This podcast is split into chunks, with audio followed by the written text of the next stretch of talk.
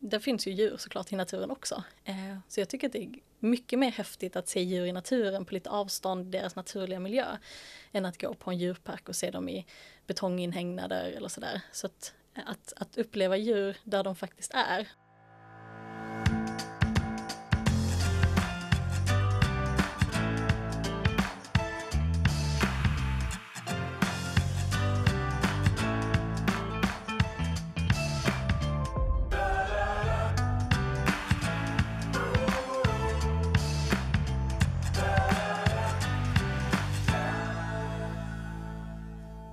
lyssnar på Djurens Rätts podcast på Djurens Sida.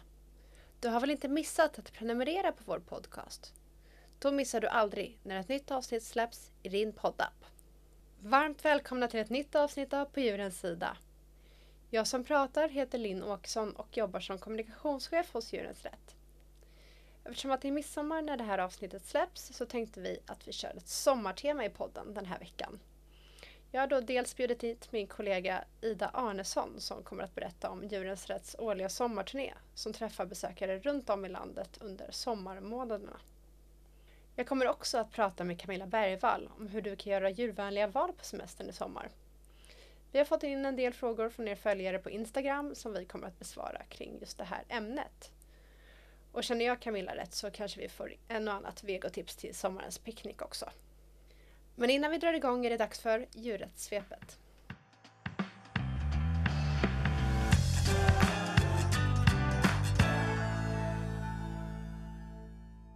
Bulgarien beslutade den 1 juni att förbjuda uppfödning av minkar och import av levande minkar till landet. Det innebär att den sista minkfarmen i landet nu lägger ner och det besvarar ungefär 130 000 minkars lidande per år. Sverige blir allt mer unika i att tillåta minkfarmer i EU. 14 av 27 medlemsstater har nu tagit ställning i frågan och totalt 21 av 27 medlemsstater har eller är nära ett pälsfarmsförbud. Har du som lyssnar inte skrivit under medborgarinitiativet Fur Free Europe uppmanar jag dig att gå in på www.djurensrätt.se furfree. Hjälp oss i kampen för ett pälsfritt Europa. Djurens Rätt har lämnat in en polisanmälan mot en äggproducent i Värmland.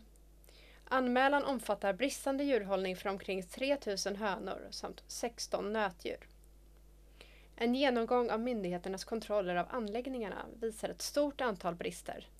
Bland annat svårt sjuka och skadade djur som inte fått nödvändig vård, döda hönor som låg i de levande djurens ströbäddar, kraftigt gödselförorenade kor som saknade tillgång till foder och att nötkreatur hölls i strid med ett tidigare meddelat djurförbud. Detta är bara en i raden av alla de rapporter som kommer om djurfabriker som utsätter djur för ett systematiskt djurplågeri.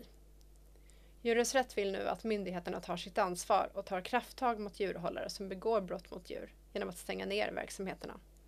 Det får vara nog nu. Djurens Rätts film om tre turbokycklingars liv i en djurfabrik har tidigare prisats av Filmstaden och tidningen Resumé. Nu har filmen dessutom vunnit Best Animated Film på Stockholm City Film Festival och Best Short Animation Film i Direct Monthly Online Film Festival. Vi är glada att så många uppskattar vår 3D-animerade film och har du inte sett den ännu så finns den på Djurens Rätts Youtube-kanal. EU-kommissionen arbetar med att ta fram en ny djurskyddslagstiftning som ska presenteras under 2023. Ett viktigt område som är aktuellt för revidering är djurtransportreglerna. Djurens Rätt har nu lämnat in ett brev till Sveriges landsbygdsminister Anna-Karin Säterberg med uppmaning att Sverige ska ge ett stöd för en skärpt djurtransportlagstiftning. Den 20 juni lanserades Djurens Rätts partigranskning där vi granskat riksdagspartiernas djurpolitik. Detta för att du som väljare ska kunna göra det mest djurvänliga valet när det är dags att rösta i vallokalerna den 11 september. Du hittar mer info om partigranskningen på www.djurensratt.se val 2022.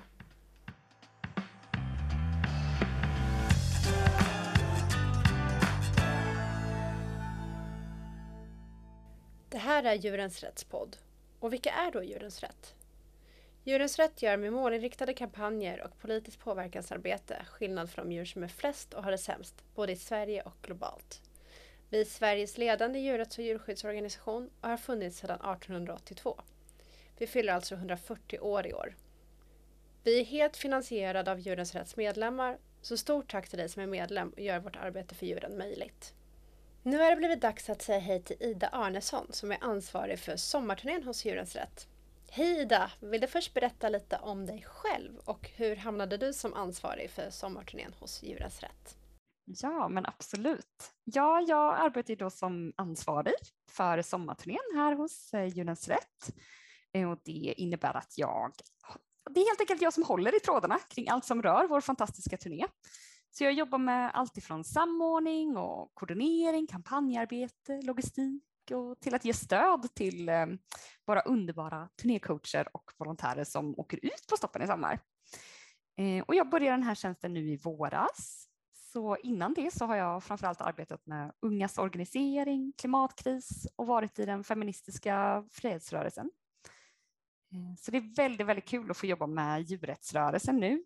Jag har ju varit medlem i Djurens Rätt i jättemånga år och det är en fråga som ligger mig mycket nära om hjärtat. Så det här känns eh, super, super kul. Ja men vad kul och vad spännande det låter med, eh, med jobbet. Vill du berätta mer vad sommarturnén, vad, vad innebär det egentligen? Ja, men Sommarturnén det är en årlig informationssatsning som Djurens Rätt gör och i år är alltså 17 året i rad som vi ger oss ut på turné. Och då besöker vi festivaler, stadsfester, marknader, Vi står ibland på gator och torg och sprider kunskap om djurens situation men också inspirerar besökare att ta fler djurvänliga val i sin vardag. Och eh, Djurens Rätt är den enda ideella organisationen som gör den här formen av informationssatsning återkommande varje år. Så det är helt enkelt en ganska unik metod som vi använder oss av. Och den är verkligen helt beroende och endast möjlig av och att genomföra tack vare våra fantastiska volontärer. Eh, och genom våra möten med besökare på sommarturnén också så tar ju många det fantastiska beslutet att bli medlemmar i Djurens Rätt. Och det gör ju att vi kan fortsätta vara en stark röst i djurrätts och djurskyddsfrågor. Ja men verkligen, så det är vi ju väldigt tacksamma för. Alla volontärer och eh, de som blir medlemmar på sommarturnén. Men eh, vad mer Vad sker på sommarturnén? Är det några, har vi liksom något speciellt mål eller något specifikt syfte varje sommar? Ja, på sommarturnén så kan besökare ha samtal med oss om djurrätt. Där kan vi till exempel prata om hur vi tillsammans kan göra skillnad för djuren. Och besökarna kan plocka med sig olika material. Det kan vara vegorecept och annat eh, tryckt material som vi har med oss. Men man kan också samla, signa upp sig eh, ska ska säga, på Velvegos utmaning Kycklingfri vardag. Och gör man det så är man automatiskt med i en utlottning i år eh, där man kan vinna finfina bokpaket som vi har fått förmånen att eh, ha med oss. Man kan också kolla på vår film Världens bästa djurskydd. Och för de allra minsta så har eh, Rädda djuren-klubben fixat en superrolig trekamp som eh, vi också har med oss i tältet. Så det finns lite olika saker som man kan göra i själva tältet och när man möter oss på de här olika turnéstoppen. Och målet, eller syftet som du frågar om, det är ju att vi ska växa som organisation. Och det är inte helt ovanligt att omkring tusen personer brukar välja att bli medlemmar efter våra möten på sommarturnén. Och det är vi såklart så glada för. Ja men vad roligt! Och vad sker på sommarturnén? Har vi liksom något specifikt mål eller syfte? I år så fokuserar vi särskilt på kycklingarnas situation. Eh, kycklingarna är ju det djur i Sverige som är flest till antalet och har det sämst. Men många känner inte till detta utan varje år så dödas ju över 100 miljoner eh, kycklingar i djurfabrikerna. Men majoriteten har ju aldrig sett en levande kyckling här i Sverige. Så därför så har vi med oss i år frågan, har du sett Sveriges vanligaste fågel? Och vi hoppas att genom vårt kampanjarbete på turnén att ännu fler besökare vill göra skillnad för kycklingarna. Och det kan ju vara dels genom att välja vego men också genom att organisera sig tillsammans med oss på Djurens Rätt. Och vad har vi fått för bemötande och reaktioner från besökarna hittills i år? Är det något, något du kan dela med dig av som har hänt på årets turné? Ja, alltså det jag framförallt tänker på är att jag tycker att jag märker att många känner till oss eh, när vi är ute på turné nu, vilket är väldigt kul. Eh, för vi brukar nämligen börja med att fråga, känner du till Judas Rätt sen innan när besökare kommer till tältet? Och min upplevelse är att många svarar jakande på detta. Eh, och det gör ju också att många reagerar med glädje eller pepp när de ser oss och vissa kommer ju fram och berättar hur länge de varit medlemmar och det är ju såklart superfint att få höra. Och vi blir väldigt glada av att höra och möta dessa reaktioner. Men en annan reaktion som vi också får från besökare det är ju chock och oro när vi pratar om kycklingarnas situation. Jag själv hade till exempel ett samtal nu när vi var i Lund i maj med en pappa och hans dotter. Och pappan plockade upp en tidning och bläddrade lite i den på måfå och fastnade plötsligt på en sida om fakta om kycklingarna. Och hans reaktion var att vi måste ha skrivit fel eh, när det stod att kycklingarna föds och dör inom loppet av 35 dagar i djurfabrikerna. Så det blev för mig tydligt att det är svårt för många att ta in eh, hur illa det är. Eh, så det är också en, en reaktion som vi möter på turnén. Mm. Ja, det kan jag förstå också när man inte har någon eh, vetskap om det. Det är ingenting som, man, som allmänheten kanske känner till just här hur situationen ser ut för kycklingarna. Så att, jag förstår att det kan vara lite, lite chockartat. Men vad blir reaktionen då? då? Leder det till att det, liksom, det blir ett vidare samtal? Eller hur, hur, om du bara vill dela med dig från liksom just den specifika händelsen, vad, vad hände sen då?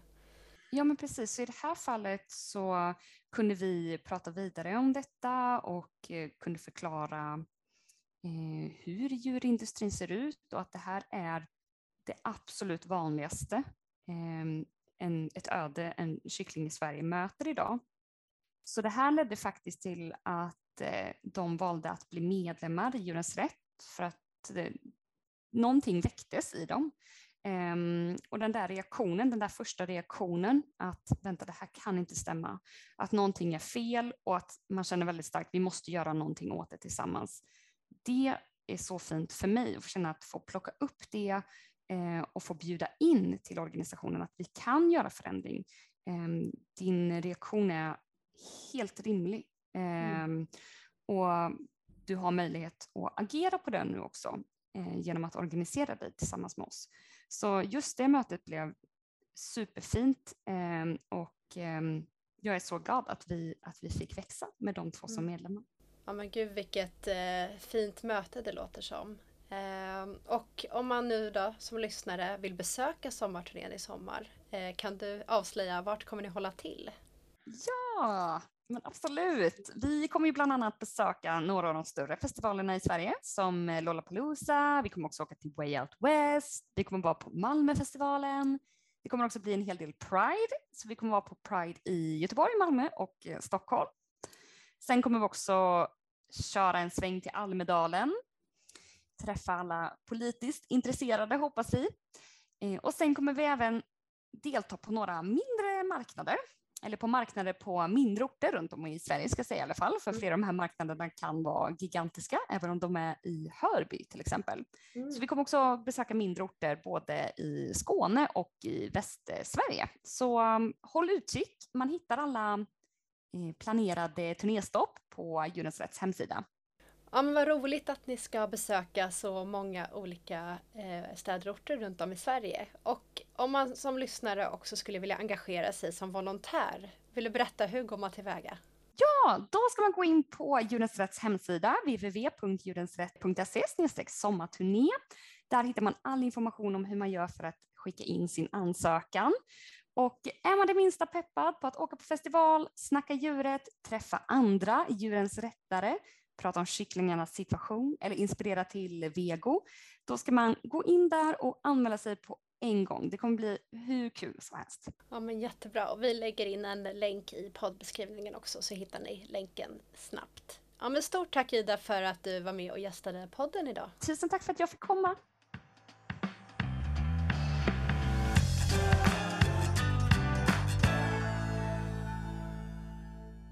Nu har det blivit dags för mig att hälsa välkommen tillbaka till Camilla Bergvall, riksordförande för Djurens Rätt.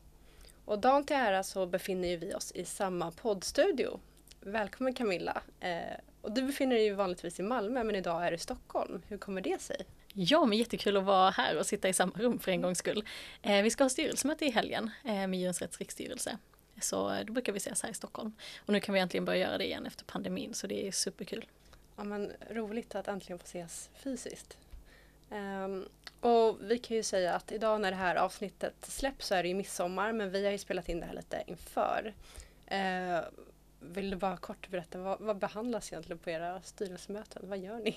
Ja men precis. Alltså Djurens riksstyrelse är ju vald av eh, medlemmarna och vi ska ju liksom hålla organisationen på rätt kurs mellan eh, våra riksstämmor. Eh, så vi behandlar allt ifrån uppdateringar av policies till att diskutera vår vision och hur vi når dit så effektivt som möjligt. Så det kan vara liksom verkligen allt möjligt och så diskuterar vi våra mål, eh, hur långt vi har kommit, vad vi ska göra för att verkligen eh, nå fram och så vidare. Så att allt för att vi ska göra så stor, möjlig, så stor skillnad som möjligt för de som är flest och har det sämst som vi alltid pratar om. Spännande. Semestern är ju ingång för många eh, och eh, därför så kommer vi idag prata lite om vad som är bra att tänka på för att ha en djurvänlig semester. Eh, och det gäller ju oavsett om man ska iväg och resa på semestern eller om man är kvar i sin egen hemstad. Eh, och vi har ju dels fått in lite frågor från följare via Instagram. Eh, men först så vill jag kolla med dig Camilla om du har några tips till lyssnarna. Vad är liksom bra att tänka på för att inte bidra till att djur utsätts för någon form av lidande när man, när man har semester? Ja men framförallt är det viktigt att just tänka och fundera på eh, en extra gång och vara en medveten turist på alla möjliga sätt. För det är inte alltid lätt att upptäcka att djur far illa eftersom det är en turistnäring som ser till att det ska se så himla pampigt och bra ut. Och man kanske vid en första anblick så ser det väldigt trevligt ut för djuren också. Eh, men sen baksidorna är inte alltid så trevliga. Eh, så det gäller att ha en kritisk blick och då till exempel undvika evenemang där djur används som underhållning eh, djurshower, cirkusar och sådana saker. Eh, men också då transporter där djur är inblandade. Alltså att det kan ju vara eh, häst och vagn eller liksom rida på elefanter och sådana saker. Mm. Där har vi ju sett hemska exempel på när djuren då eh, får jobba långa pass, eh, det, det, är varmt och de kan liksom få eh, värmeslag och så vidare men också olyckor häst och vagn som till exempel kör på bilvägar och att det sker hemska olyckor där djuren far illa. Eh, så även om det inte ser så farligt ut att en häst drar en vagn till exempel så kan det ju finnas enorma baksidor med, med det mm. också. Ja, som man inte, inte får se då, då som, som bara turist. Nej precis, och då är det alltid bättre att undvika eh, än att eh, riskera att bidra till att djur far illa. Mm. Mm. Ja men bra tips. Eh, och eh, första frågan som vi har fått in från eh, en följare är Eh, har du tips på djurvänliga saker att göra under semestern? Och finns det något som är okej att göra under semestern som innefattar djur? Ja, eh, alltså jag älskar ju själv att vara i naturen och jag brukar inte åka så långt. Det finns ju så himla häftig natur i närheten i Sverige. Eh, alltså både hänga i skogen, vara på stranden eller vid sjöar och så vidare eh, och ta del av den miljön. Och där eh, det finns ju djur såklart i naturen också. Eh, så jag tycker att det är mycket mer häftigt att se djur i naturen på lite avstånd, deras naturliga miljö, än att gå på en djurpark och se dem i betonginhägnader eller sådär. Så att, att, att uppleva djur där de faktiskt är, men då såklart inte störa eller eh, utsätta djuren för någonting där, utan bara betrakta dem. Det kan man ju ha liksom, inte vet jag, ett bingo för vilka djur man kan se i det vilda i Sverige. Mm. Vilka fåglar man kan se eller om det är rådjur eller älgar eller alla möjliga coola djur som vi, som vi ofta glömmer bort. Istället ska vi då gå på någon slags djurpark och se exotiska djur från andra kontinenter, vilket jag tycker är lite, lite märkligt när vi mm. har så mm. himla fina djur i Sverige också som man kan se mm. bara mm. runt, runt husknuten ja. i princip. Mm. Ja men verkligen. Att ha aktiviteter i naturen är ju också en favorit eh, hos mig och det finns ju mycket, mycket sätt att eh, att aktivera sig på utan att eh, några djur kommer till skada. Ja men verkligen och sen har man ju de som har djur hemma kan ju mm. ha aktiviteter med ja, familjedjur, liksom roliga utflykter och sådär. Mm. Sen finns ju också många djurhem där det, många tar emot volontärer. Om man just vill hänga med djur så kan man ju gå dit och vara sällskap till djur, leka med djur så att de får lite stimulans, de som ännu inte har fått något nytt hem. Så det kan ju vara ett tips om man inte har några egna djur hemma som man ändå vill träffa. Ja, jättebra tips. Men du var ju också inne på det här med, med djurparker och det, det finns ju en del som väljer att besöka på djurparker och zoo under semestern. Man kanske åker till en annan stad där det finns ett zoo. Eh, och det kanske vi alla någon gång har gjort i livet om, om man ska vara ärlig. Eh, men så att vi har fått en, en följarfråga eh, som lyder Hur vet man att, djur, att ett djur inte har haft det bra på zoot? Ja, och det är ju liksom återigen svårt att, svårt att veta vad som händer när besökare inte är där. Men vi har ju sett nu de senaste tio åren rapporter om att friska djur avlivas på i princip de flesta djurparker, eh, både i Sverige och utomlands. Eh, för att då få plats med de här eh, nya djurungarna som ska ses som gulligare och locka till sig fler besökare och i slutändan då pengar till eh, det här turiststället. Ehm, så det är ju Djurparkerna finns ju dessvärre inte till för djurens skull utan för besökarna. Ehm, så av den anledningen så är det ju återigen bättre att undvika för man vet liksom inte vad som, vad som händer bakom kulisserna så att säga. och sen är det såklart alltid bättre att djuren får vara i sitt naturliga habitat liksom, och inte instängda i. Även om det i vissa fall är större inhägnader så är det ju fortfarande mycket, mycket mindre än de skulle ha i det vilda. Mm. Ja men verkligen, så vi rekommenderar att man inte besöker djurparker överhuvudtaget. Då. Nej men precis. Mm. Uh, ja men bra. Uh, och nästa fråga lyder, vad kan man göra om man ser djur fara illa under sommaren? Ja, och det är ju jätteviktigt att man gör någonting då, så det är en jättebra fråga som någon har skickat in. Um, dels beror det ju på var du befinner dig. Befinner du dig i Sverige så är det ju länsstyrelserna i Sverige som eh, ansvarar för att kontrollera om det till exempel är en, en hage där djur verkar må dåligt eller någonting så är det till Länsstyrelsen man rapporterar och då åker de ut och inspekterar och kontrollerar och sådär. Och där kan man också anmäla anonymt om det är så att det kanske är en granne eller något sånt där. Ehm, så är det akut så ska man ju såklart alltid ringa polisen om man ser liksom att ett djur får akut illa. Då ringer man 112 såklart. Men annars är det Länsstyrelsen som man ringer i Sverige. Eh, och är man utomlands så eh, skulle jag rekommendera att kontakta en djurskyddsorganisation i det landet som kan hjälpa hur rutinerna ser ut. För det är ju väldigt olika i olika länder hur man kan anmäla att djur får illa. Men det viktiga är ju att man gör någonting. Eh, och att man till exempel fotograferar och skriver ner vilka tidpunkter och platser man har sett det här på så att det finns mycket för de som ska kontrollera att gå på. Så det är jättebra om man agerar om man ser att djur far illa på något sätt. Men superbra. Eh, och ett annat eh, ganska vanligt här, fenomen som förekommer både i Sverige och även utomlands är ju att det här, det här med att ta kort tillsammans med vilda djur. Och varför ska man då inte ta kort med vilda djur? Är en fråga. Ja, återigen, det är ju baksidan då. Eh, det ser ju kanske ofta ut som att djuret är väldigt lugnt och verkar tycka att det är trevligt. Eh, men ofta är det så att djuren har drogats för att just vara lugna. För vilda djur tar inte selfies med människor i sin naturliga miljö såklart. Utan det är ju någonting som eh, människor vill att de ska göra. Så det finns väldigt hemska baksidor. Att de kan hållas instängda och fastlåsta resten av tiden och då till exempel drogas innan man åker till ett turistställe. Och, Eh, ibland tar man ju betalt för att ta de här selfies eh, med vilda djur. Eh, framförallt apor har jag sett mycket bilder på men också andra djur. Så att, eh, det tycker jag man ska undvika. Eh, man kan fotografera vilda djur på lite avstånd istället. Man behöver kanske inte själv vara med på de bilderna kan jag tycka. Så att, eh, det tycker jag man ska undvika. Ja, verkligen. Ja, men vi har också fått en fråga kring det här med djurfria cirkusar. Finns det cirkusar idag som inte har djur? Ja, det mm. finns det. Tacksamt nog.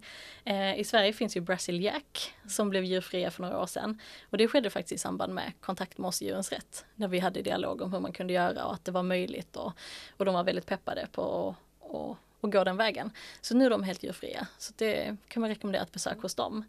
Ehm, det står också i det nya numret av Djurens medlemstidning som har kommit ut hyfsat nyligen tror jag. Ehm, så där kan du läsa mer om Brasiliak. Sen finns det ju också nycirkusar och andra som mer använder människor till akrobatik och andra häftiga saker. Så man kan ju välja sådana cirkusar eh, istället för de med djur. Det är såklart eh, underhållningen då kan nästan vara roligare tycker jag. När man inte behöver ha den här bittra eftersmaken av att man inte vet hur de här djuren har tränats och vad som händer efter showen så att säga. Men vad mer är det bra att tänka på då för att ha en djurvänlig semester? Finns det några andra bra grejer att tänka på? Ja, ett tips som jag skulle vilja ge är att eh, det här med souvenirer. Eh, för det är ju ofta gjort av djurdelar på olika sätt. Det kan ju dels vara de här klassiska päls och läder och så som accessoarer och så kan vara gjorda av. Men eh, utomlands kan det även vara smycken som är gjorda av till exempel djurben eller andra delar av djur som har använts. Eh, det vet vi såklart inte om det, hur det djuret har haft det innan, var det kommer ifrån och så vidare. Eh, och sen är vissa av de här produkterna också olagliga att ta med sig hem. Så det kan ju vara bra av flera orsaker att eh, vara väldigt noga med vad det man köper innehåller och att välja djurfria eh, smycken eller andra souvenirer man vill köpa med sig. Så tänka på vad de innehåller, verkligen.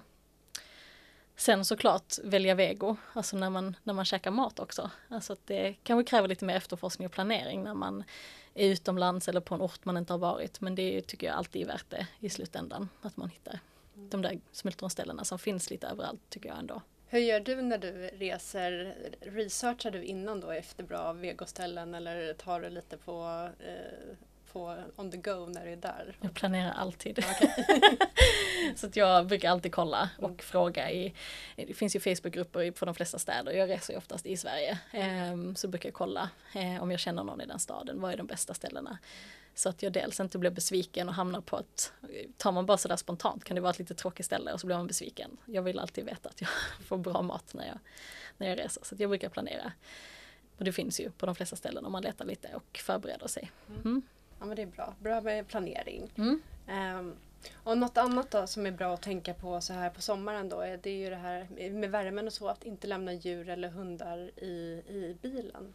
Ja, och det är helt otroligt att vi behöver fortsätta tjata om. Det känns ändå som att det har fått så stor spridning men varje sommar ser vi ändå de här exemplen på hundar som har fått värmeslag i bilar. Eh, för det går så himla snabbt. Man kanske bara tänker att jag ska iväg en liten stund eh, och väva ner fönstret lite grann. Men det kan bli så otroligt varmt i solen i en bil. Så att lämna aldrig hundar eller andra familjedjur i bilen helt enkelt. Det, ta med dem eller lämna dem hemma eller på något ställe där det, de riskerna inte finns. För det är ju också så att även om det är kanske känns svalt ute så är det ju alltid varmare i bilen. Precis.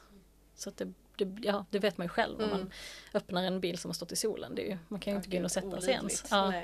Så att lämna inte hunden i bilen helt enkelt.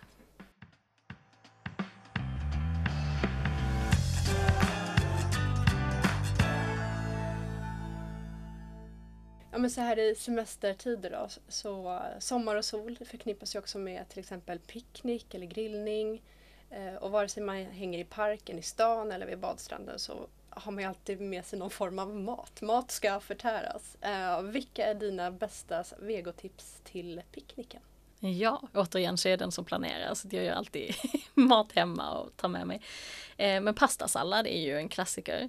Ehm, Eh, brukar jag ha tofu men också ha i typ så melon eller nektarin har jag haft nu senaste för det är min favoritfrukt på sommaren när det är säsong. Um, men också så sallader med vattenmelon och fetaost. Den veganska fetaosten är, har ju faktiskt jag börjat gilla väldigt mycket.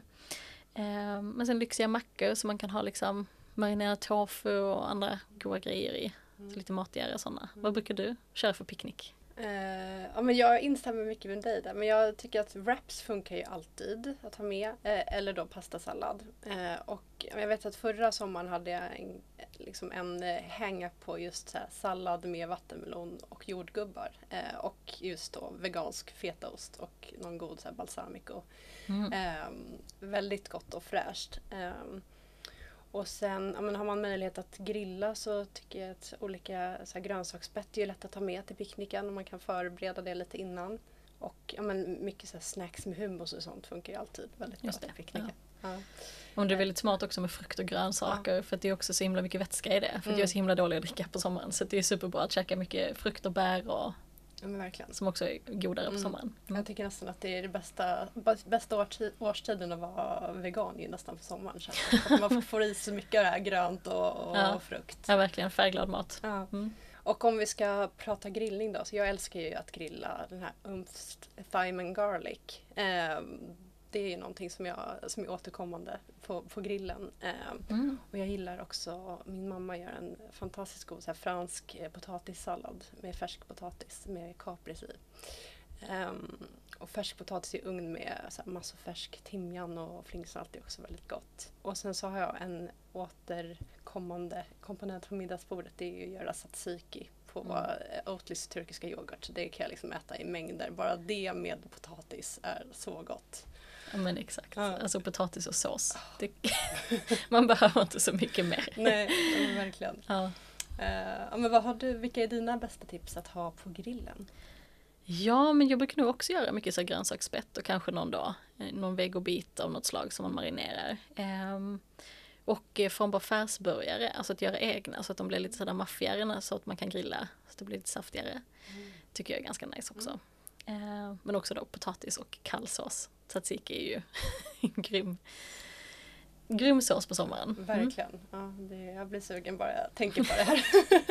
Ehm, och sen förra sommaren så har det också kommit massor nya ja, vegokorvar och burgare. Du sa ju att du kanske gör, eh, gör egen burgare på eh, Anamma eh, eller Formbar Färs. Eh, men har du någon annan så här, favorit där kring det nya utbudet? Alltså jag är ju väldigt old school. Jag köper ju typ bara Astrid apornas hot chorizo. Och den har ju funnits länge. Mm. Men det är min all time favorit. Så att jag fortsätter käka den korven. Så att Okej. nyheterna har inte riktigt bitit på mig. Eh, men eh, jag, det blir ofta så när jag har hittat något jag gillar så testar jag kanske inte så mycket nytt heller. För att Nej. jag bara säger jag är supernöjd med den här Mm. korven. Mm. Men vad brukar du?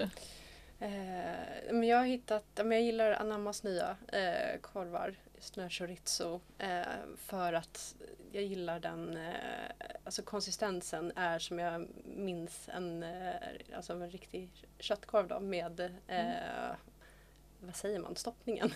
det blir lite att bita i. Eh, Mm. Så det uppskattar jag. Så jag kommer nog... Eh, Men har du testat att grilla den? Alltså är den bra Ja. på grillen? Liksom? jag har, test, ja, Mm. jag har testat faktiskt att grilla. Ehm, jag vet inte om det var den vanliga korven då eller chorizon. De är ju ungefär lika storlek. Ehm, Mm. Men som jag minns det så, så funkade det bra så det kommer jag nog fortsätta med i sommar. Mm, kanske testa. Jag Ja. får vidga vyerna lite. Ja, och det tycker jag. Ja, och sommar eh, förknippas ju också med glass och få kyla ner sig. Har du några tips på några veganska glassar eller så glassställen som, som du brukar gå till? Ja, alltså det, för andra sommaren tror jag, så i Helsingborg, min hemstad, eh, finns det ett, eh, ett café som heter Bruket och de har en pop-up glassbar varje sommar, eller då kanske andra sommaren nu. Eh, och det, all deras glass är vegansk. Eh, och alla möjliga smaker, alltså verkligen så här crazy smaker ibland, så det varierar väldigt mycket vad de har. Allt ifrån då vanliga kanske jordgubb till marängsviss, fast allting veganskt. Liksom. Så att det, de är fantastiska. Så eh, har man vägarna förbi Helsingborg så borde man gå, gå dit. Eh, Men annars köper jag gärna Magnum Mandel Vegan. Den är ju en klassisk och den finns ju nästan överallt så det är himla smidigt att få tag på. Mm. Ja men verkligen. Vad Ja. käkar du för glass? Ja, men jag, jag har inget så här, jag önskar att jag också hade något så här äh, glassstället. Dit går jag för den bra liksom, vegansk glass. Jag har nog inte riktigt det. Men har Eh, inte ni Sticky Nicky i Stockholm? Jo, Sticky Nicky. Det är väl det, där jag, dit jag går om jag ska ha en Mm. riktigt så, vad säger man, kul, kul glass. Mm. Ehm, men annars så är jag ett fan av, förutom då Magnum Mandel, vegan, den är ju riktigt god. Eh, det var min favorit innan jag var eh, vegan, den vanliga Magnum Mandel. Så att, var- jag blev väldigt glad när den kom som i vegansk tappning. Men jag gillar också Tre Vänners veganska glassar. Eh, de har en som är mm, liksom mint, eh, mintsmak och så är det ett chokladtäcke över som är väldigt god. Och sen för några veckor sedan så testade jag även deras nya, den här pistagestruten. Och den var också supergod. Mm. Nice. Mm. Ja, men glass är gott. Och, Ja. och, och, och bara prata om eh, mat och vego, jag blir så hungrig här. Ehm, men avslutningsvis då, vad kan eh, våra lyssnare göra om de är sugna på fler vegotips i sommar? Ja, men vi har ju vår inspirationssajt Välj Vego. Både hemsida och på sociala medier kan man följa Velvego. Eh, och där finns ju eh, recept och produkttips och allt möjligt. Så de borde man verkligen följa om man vill ha koll på det senaste och få inspiration. Eh, och där kan man också ladda ner eh, inspirationsmagasin, magasin heter det. eh, som är liksom som en tidning med eh, sup- dels supersnygga bilder så att man blir helt, eh, sitter och dreglar när man läser. Eh, men också då eh, recept och information. Eh, det finns gratis på Velvego. Eh, och sen där finns ju också utmaningar. Om man vill eh, utmana sig själv till att skippa kycklingen eh, eller att vara vegan i 28 dagar. Det är väl det som sägs. Efter 28 dagar så har det blivit en vana. Eh, så klarar man att vara vegan i 28 dagar så har man kommit långt och gjort mycket för djuren på vägen. Ja, men bra tips. Det kanske om, om man vill göra någonting, ha en utmaning för sig själv då under semestern att eh, anta en av Velvegos utmaningar. Det tycker jag verkligen man ska göra. Ja. Ja, men bra tips. Eh, ja, men det är ju snart dags för semester. Eh, hur ska du spendera din tid? Ja, men jag ska läsa mycket böcker. Eh, hoppas jag. Det är alltid mitt mål och så får man se hur många man hinner med. Eh, men också hänga på stranden och sen ska jag faktiskt försöka skriva lite på en bokidé. Eh, som är lite hemlig ett tag till. Men eh, jag ska Wow. försöka komma igång med skrivandet också på Mm. semestern. Mm. Vad spännande. Eh, jag blir nyfiken. Hur många böcker plöjer du på en semester? Om du liksom, vad är målet? Eller har du Eh, alltså när det inte är semester brukar Ja. jag kanske läsa 8 till 10 i månaden. Wow. Eh, så att eh, 12 i månaden kanske Ja, på semestern när jag har Mm. lite mer tid. Mm. Det är målet, får vi se hur långt jag kommer. Mm. Ja men eh, härligt med lite ledig tid. Eh, men innan semestern så har ju lyssnarna även chans att träffa dig, bland annat då på Almedalen, eller hur? Ja, äntligen Almedalsveckan igen. Nu efter pandemin kan vi äntligen göra sådana kul saker. Eh, där har vi tre seminarium om djurpolitik och vego. Ehm, och jag kommer vara där i flera dagar. Eh, men jag tycker, är man på Camilla Gotland eller mig, under Almedalsveckan så måste man komma på eh, djuret våra seminarium. Ja men Eh, stort och tack vill Camilla man för att jag fick hänga med prata djurens med dig rätt så kan man höra av sig också. Eh, vi kommer ju ha vårt tält där och sådär så ni kommer hitta oss om ni är i Almedalen helt enkelt. Och då får ni jättegärna fånga med och prata djuret och vego om ni vill det. Sen ska jag också till Bryssel precis innan Almedalen. Där träffas vi i Eurogroup for Animals där djurens rätt är en del av.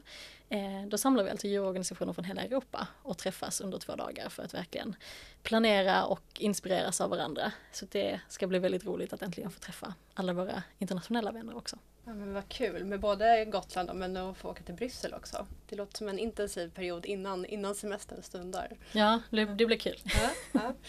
ja men vad fint. Eh, Så kommer ni att hänga i Almedalen så får ni jättegärna komma förbi antingen på våra seminarier eller eh, gå förbi turnétältet och få snacka med Camilla eller mig. Jag kommer också vara där eh, om djuret och vego. Ja men stort tack Camilla för att jag fick prata med dig idag.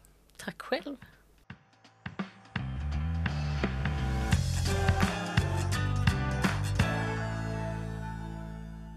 Det var allt vi hade att bjuda på i veckans avsnitt av På djurens sida. Glöm inte att följa oss i våra sociala medier. Och gillar du vår podcast, se till att du prenumererar på podden. Då missar du aldrig när ett nytt avsnitt släpps i din poddapp. Till sist vill jag tacka dig som har lyssnat idag. Och det är tack vare våra månadsgivare som vi kan fortsätta att göra skillnad för de djur som är flest har det sämst. Är du inte redan månadsgivare, gå in på www.djurensratt.se medlem och bli månadsgivare idag. Ha det fint tills vi hörs nästa gång och glad midsommar!